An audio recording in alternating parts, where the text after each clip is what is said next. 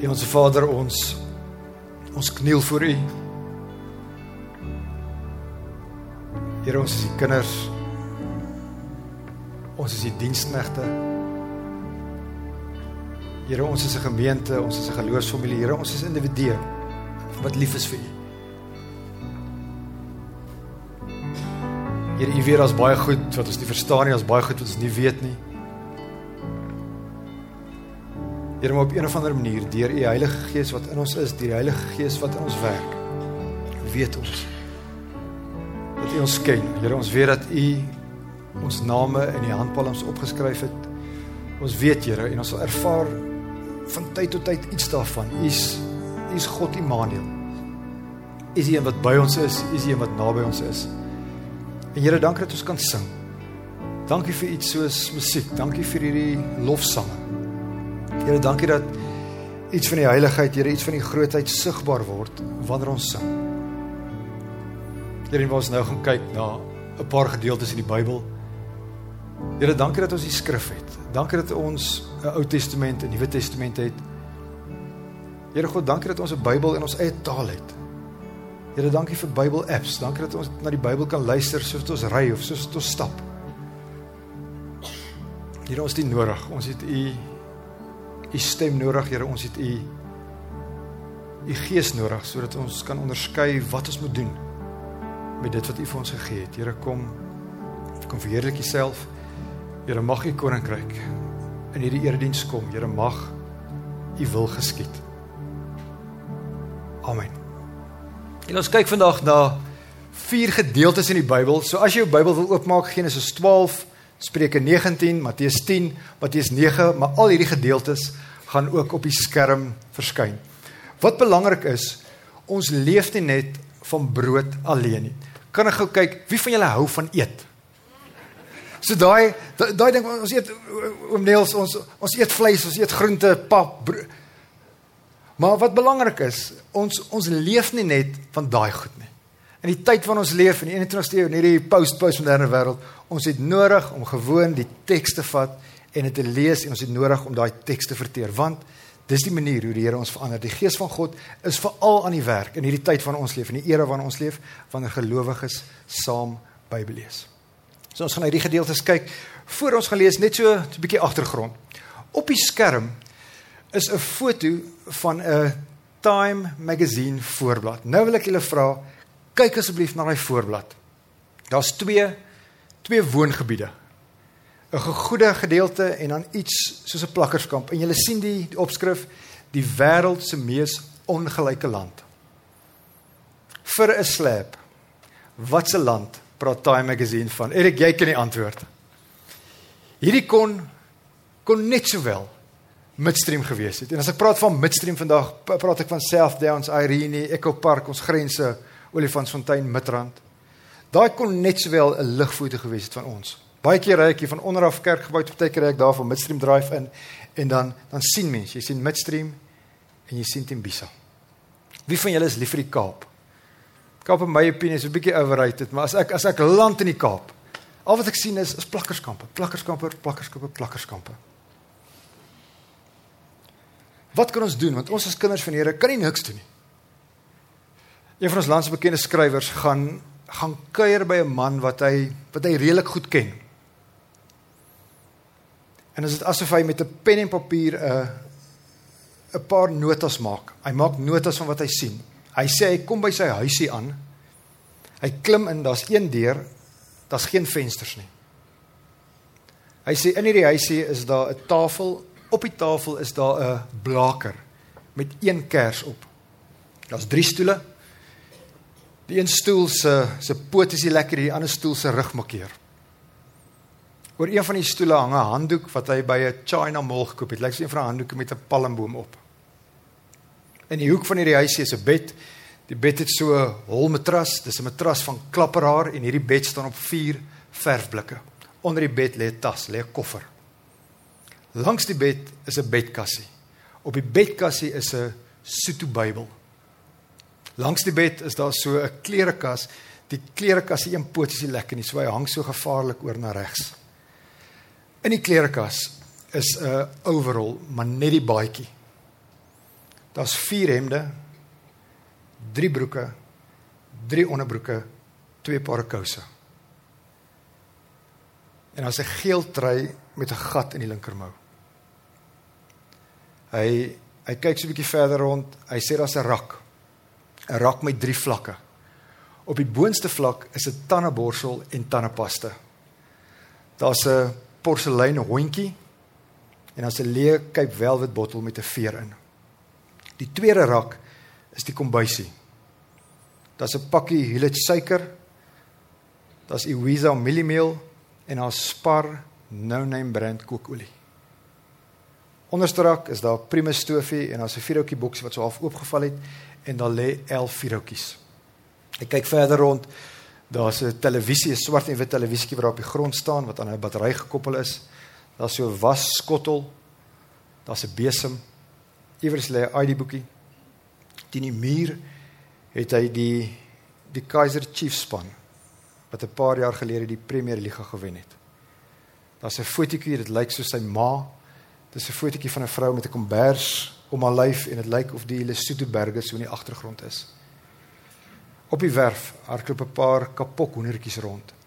En dan skryf Dana Snyman: Dit is min of meer die som totaal van Jerry De Bitsu, die man wat soms in my tuin werk, se aardse besittings. Ons het en ons letterlik miljoene mense op hierdie aarde wat nie het nie. En ons as kinders van die Here kan nie kan nie aan die ander kant kyk nie.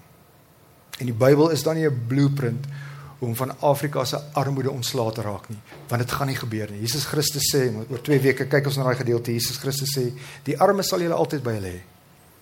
Maar daar is iets wat ons kan doen.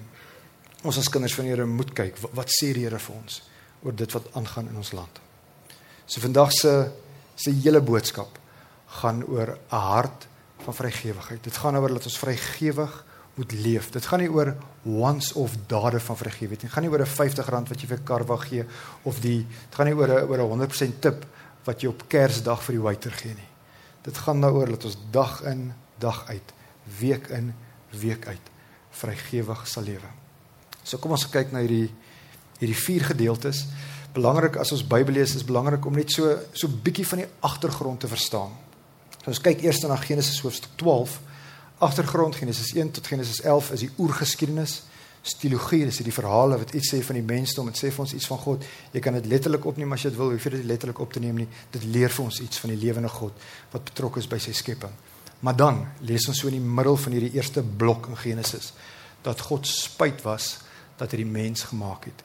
Wie van julle is ouers? Wie van julle sal spyt dat julle kindertjies gemaak het? So dit ons kry daai dings, baie interessant. Genesis 6. Die Here sê uit die teks sê vir ons Here het bedroef geword dat hy die mens gemaak het want die mens het droog gemaak en het mekaar vermoor en was net geweld en dit het net al, al meer suid gegaan. Maar dan kom die Here in Genesis 12 en dit is verskriklik belangrik om die makro storie van die Bybel te verstaan. Die Here God kom en hy begin oor met Abraham. Hy gee die mensdom 'n tweede kans. Wie van julle wat hier sit, het nog nie 'n tweede kans by die Here gekry nie. Bro, almal van ons, ons kry derde kans, ons kry vierde kans, ons kry tiende kans. Baie van ons het al al honderdste kans by die Here gekry, want God is 'n liefdevolle God, hy's regverdig God en hy gee vir ons 'n nuwe kans. So God begin oor met die mensdom en hy kies 'n man om 'n nasie te vorm. Hoekom? Sodat daai nasie, sodat daai volk 'n lig kan wees vir die res van die wêreld. So God se fokus is nie net op Israel, dis nie net op die kerk nie. God se fokus is altyd op die hele wêreld. So die Here roep vir Abraham en hy sê: "Ek Abraham sal jou 'n groot nasie maak. Ek sal jou seën en jou 'n man van groot betekenis maak en jy moet tot 'n seën wees." As jy sit en jy wonder Hoekom het die Here jou so geseën? Is ons antwoord in Genesis 12. Die Here seën ons sodat ons tot 'n seën kan wees. Ek besef nie een van ons het so baie geld soos die Oppenheimers en die Ruperts nie, maar een van die Rupert kinders het letterlik in 'n depressie verval omdat sy so baie het. En sy sien net plakkerskamp en sy sien hierdie hierdie geweldige armoede van Afrika. Sy's 'n kind van die Here. En uiteindelik vat die Here haar na Genesis 12 toe en die Here praat met haar deur hierdie vers en sy besef ek is geseën. Hoekom? Nie omdat ek lucky is nie. Ek is geseën sodat ek tot 'n seën kan wees. Spreuke hoofstuk 19. Spreuke is deel van die wysheidsliteratuur van die Ou Testament. So as jy 'n boek so Spreuke vat, is dit nie dogmatiese waarhede wat vir altyd geld nie. Die skrywer van Spreuke sal iets sê soos: "Hier's vir jou raad, probeer dit." So ek het letterlik in een van my Bybels geskryf: "Try dit." Een van ons dosente het gesê jy kan vir elke spreek sê: "Try dit, probeer dit." Kyk of dit werk in jou lewe. So Spreuke 19. Daar sê die die skrywer: "Wie hom oor 'n arm mens ontferm, gee 'n lening aan die Here." en hy sal hom ten volle vergoed. So hou dit in gedagte wanneer ons gee aan mense in nood, vir wie gee ons? Jy gee dit nie vir ou Maria in jou kombuis of Johannes wat in jou tuin werk nie. Uiteindelik gee dit vir die Here, want Matteus 25, ons lees die Here is op 'n besondere manier betrokke by die mense wat in nood is. So vir sover julle dit aan een van die geringste van hierdie broers gedoen het, sê Jesus, het julle dit aan my gedoen. So Spreuke 19 koppel direk met Matteus hoofstuk 25.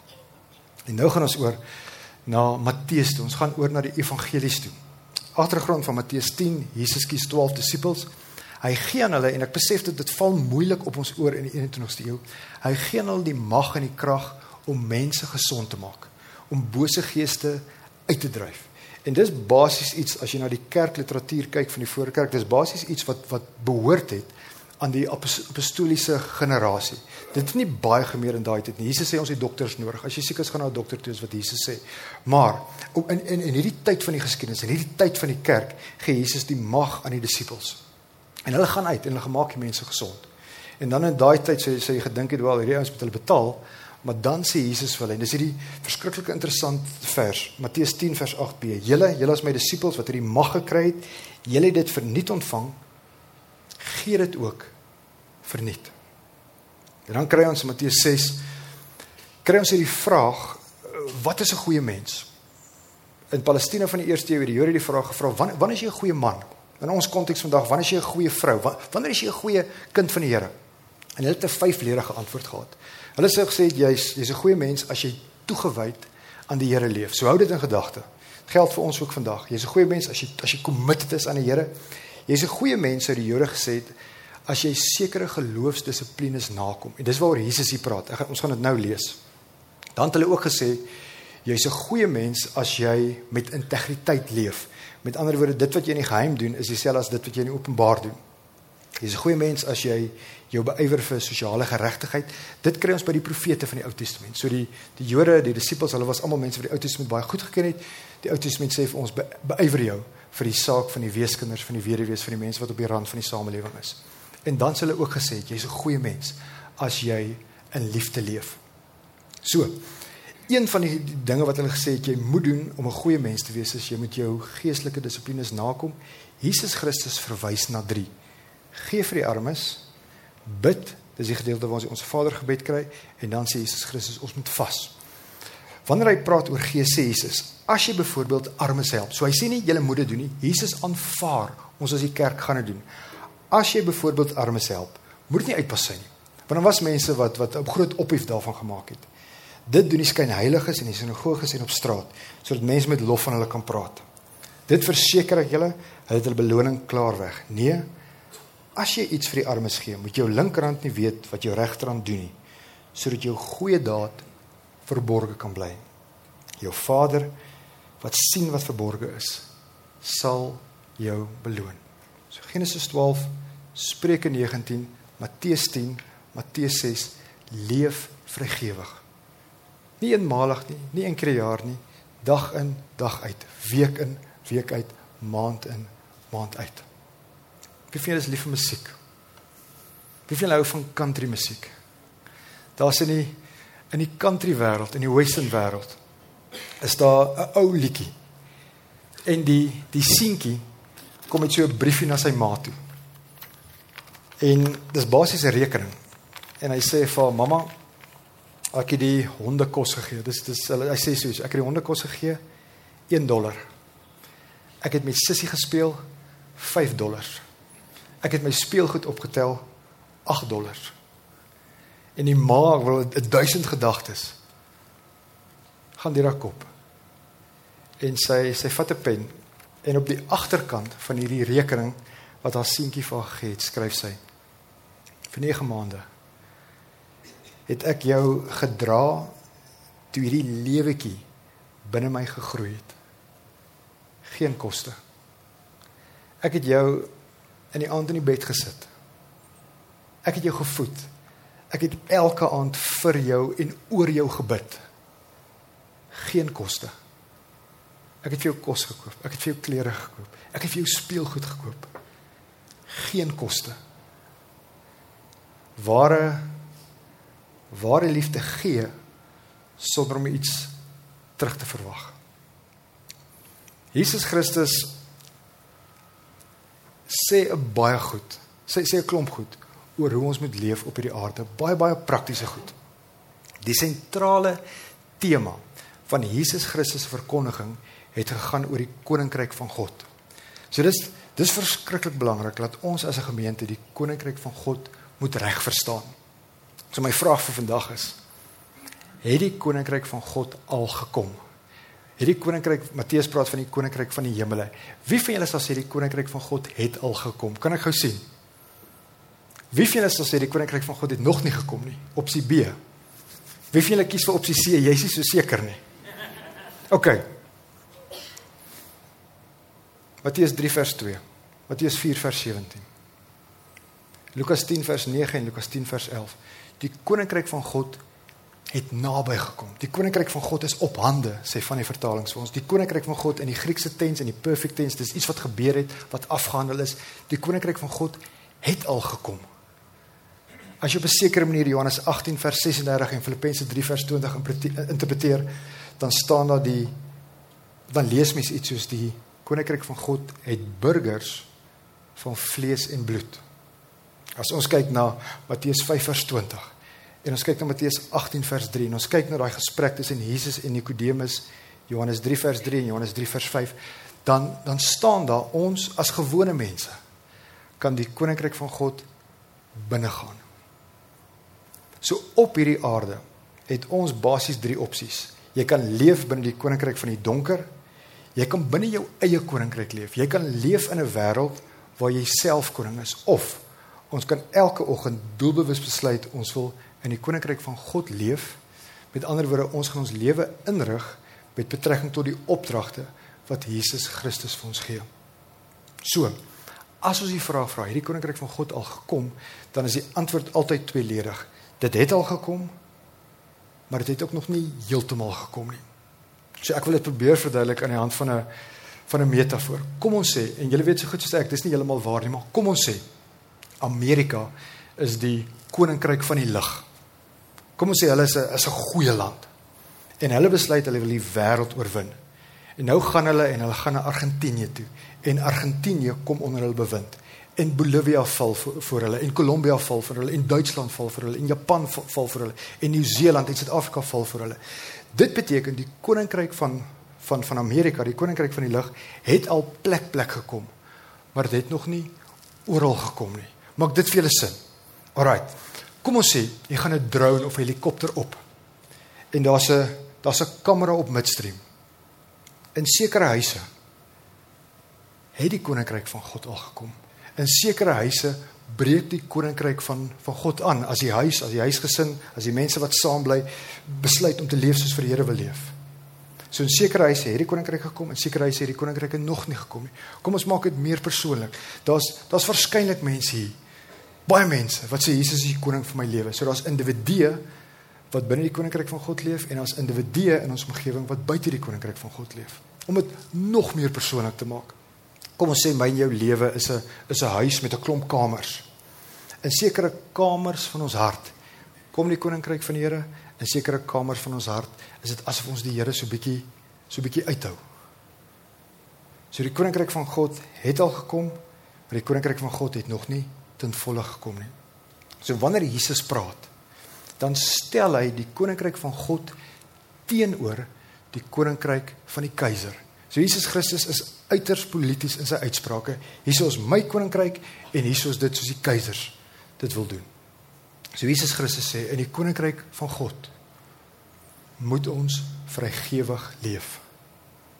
In die Grieks-Romeinse wêreld het daai mense met 'n binne kultuur geleef van wanneer jy iets kry, moet jy iets teruggee aan die persoon wat dit vir jou gegee het. So hulle het 'n klomp goed vir mekaar gedoen. Ons kry dit in al die evangelies. Jy doen iets sodat jy iets kan terugontvang. Wie van julle het hulle geskenk gekry by iemand en jy voel hierdie persoon wat hierdie geskenk gegee het, hierdie persoon het 'n het 'n agenda. Ken julle daai gevoel? Wie van julle is is ouers? Wie van julle het laerskoolkinders? Wie van julle het al gesien hoe sekere mammas by die skool net te veel doen om hulle kinders te bevoordeel? Ken julle daai ding? Goeie vriend van my is 'n skoolhoof in in Polokwane in Pietersburg en hy sê altyd daar is nie iets soos 'n free lunch nie. Jy weet.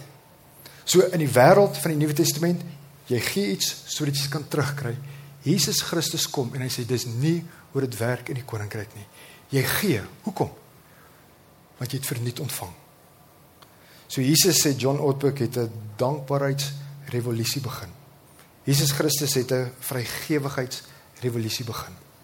Ons moet gee sonder om iets terug te verwag. Ons Vader wat wat sien wat verborge is, sal ons beloon. Julle om af te sluit om om 'n vrygewige mens te wees, moet ons 'n plan hê. As jy as jy nie 'n plan het nie, gaan jy altyd 'n triple S gewer wees. Dit beteken jy gaan spontaan gee, net wanneer jy voel om te gee. Jy gaan swaalf sporadies gee en jy gaan altyd spaarsame gee.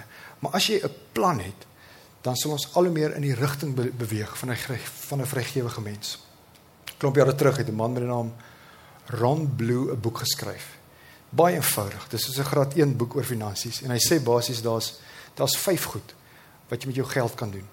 Hy sê jy kan dit jy kan dit vir ons opsit genre. Hy sê jy kan jou jou geld spandeer. Jy kan jou krediteure betaal, jy kan SARS, jy kan die regering betaal, jy kan dit spaar, jy kan dit belê en jy kan dit gee. Maar die interessante is, ons as kinders van die Here, ons moet hier op dieselfde bladsy kom. Wanneer ek en jy spandeer, gaan dit gaan dit oor myself.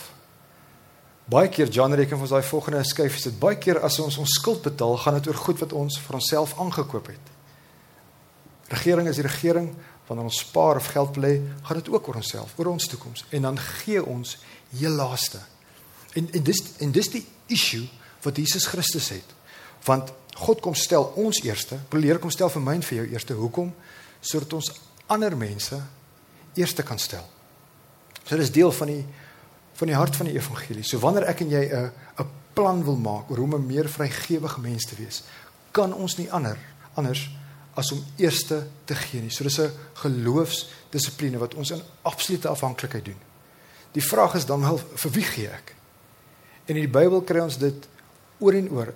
Ons moet eerste gee vir die koninkryk. So Jesus Christus binne die konteks van die bergrede, binne die konteks waar Jesus sê jy kan nie God en Mammon dien nie, binne die konteks van Jesus sê waar jou skatte sal jou hart wees, binne die konteks van die sorges van die lewe. Ons worry oor oor wat ons gaan aantrek, ons worry ons kos. Sê Jesus Christus, beywer julle allereers vir die koninkryk van God. So dit is ons is so ongemaklik om in die kerk hieroor te praat. En ek sê nie weer vir my vrou dis dis eintlik in 'n sin is dit dis nie lekker om hieroor te praat nie. Maar ons ons skuld dit. Ons skuld dit om te sê ons moet geld gee vir die koninkryk. Hoekom? Sodat God se naam verheerlik kan word. Jesus Christus sê ons is so ook sensitief oor tiendes. Jesus Christus sê in Matteus 23 vers 23: Gee tiende. Maar moenie daar stop nie. Gee tiende, maar moenie barmhartigheid nalat nie. Met ander woorde, help jou familie wat sukkel. Help jou vriende. Kyk na organisasies wat goeie werk doen. So ons moet ons moet eerste gee. Ons stel ander mense eerste. Ons moet in Christus in gebed besluit hoeveel gaan ons gee? En dan die 'n vraag wat eintlik 'n baie lekker vraag is. Vir wie gaan ons gee? En dis ook iets wat ons as kinders van die Here moet doen. Annie Stanley gee gee twee wenke.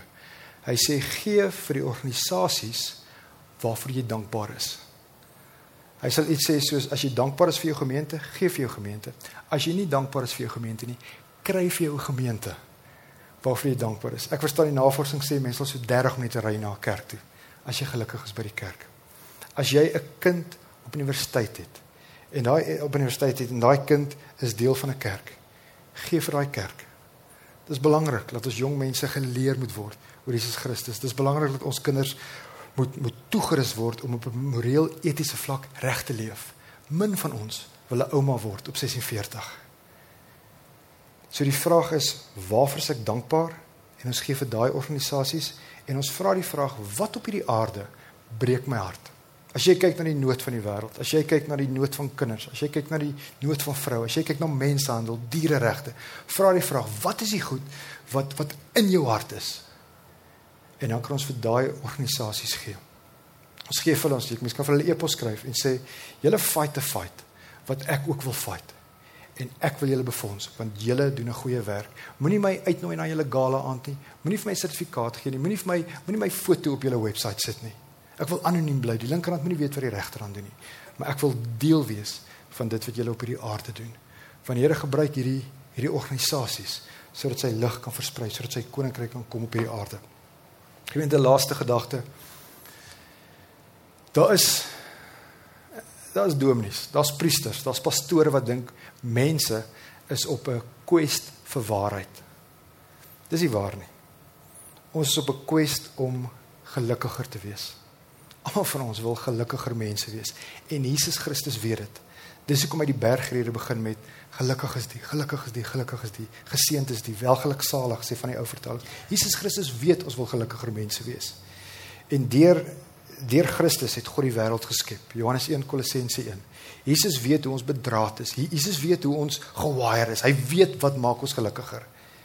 En dan sê hy in Handelinge 20 vers 35 en dis een van die gedeeltes, een van die van die quotes van Jesus wat nie vir ons opgeteken is in die evangelies nie.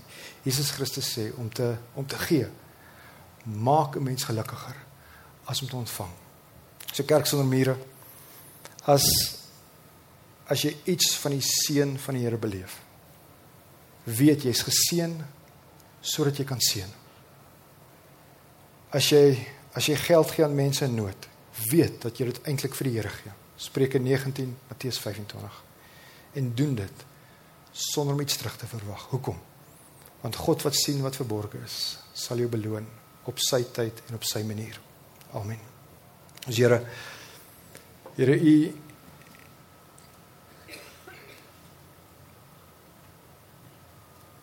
is die gewer, is die skenker van alle goeie gawes.